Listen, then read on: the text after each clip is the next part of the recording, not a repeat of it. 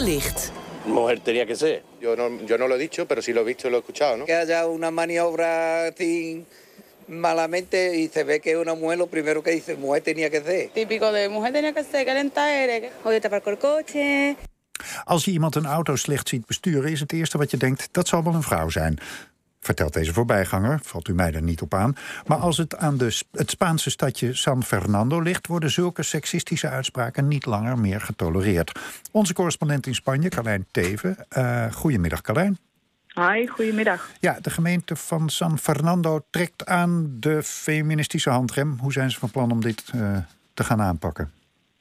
Ja, nou, ze zijn het eh, zat daar dat zoveel vrouwen die autorijden allerhande beledigingen naar hun hoofd krijgen. Eh, variërend van eh, wat er in het fragment net ook wordt gezet. Nou, zal ik die auto maar even parkeren tot aan wat rijdt die auto sloom? Er zal wel een vrouw achter het stuur zitten.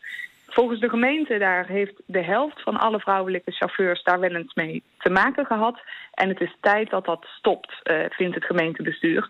Dus wie zich er schuldig aan maakt, eh, die riskeert binnenkort een boete van eh, maximaal 100 euro.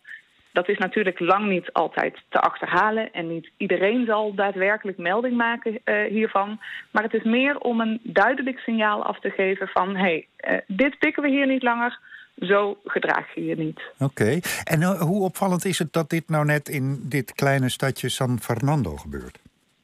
Ja, nou eigenlijk past het wel in de lijn met andere maatregelen die daar worden genomen. Ehm, je kunt San Fernando, klein stadje inderdaad, eh, 100.000 inwoners in de provincie Cadiz.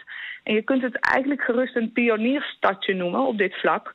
Eh, het wordt de voetganger daar zo aangenaam mogelijk gemaakt door eh, auto's en motoren in veel delen van de stad eh, überhaupt helemaal te weren.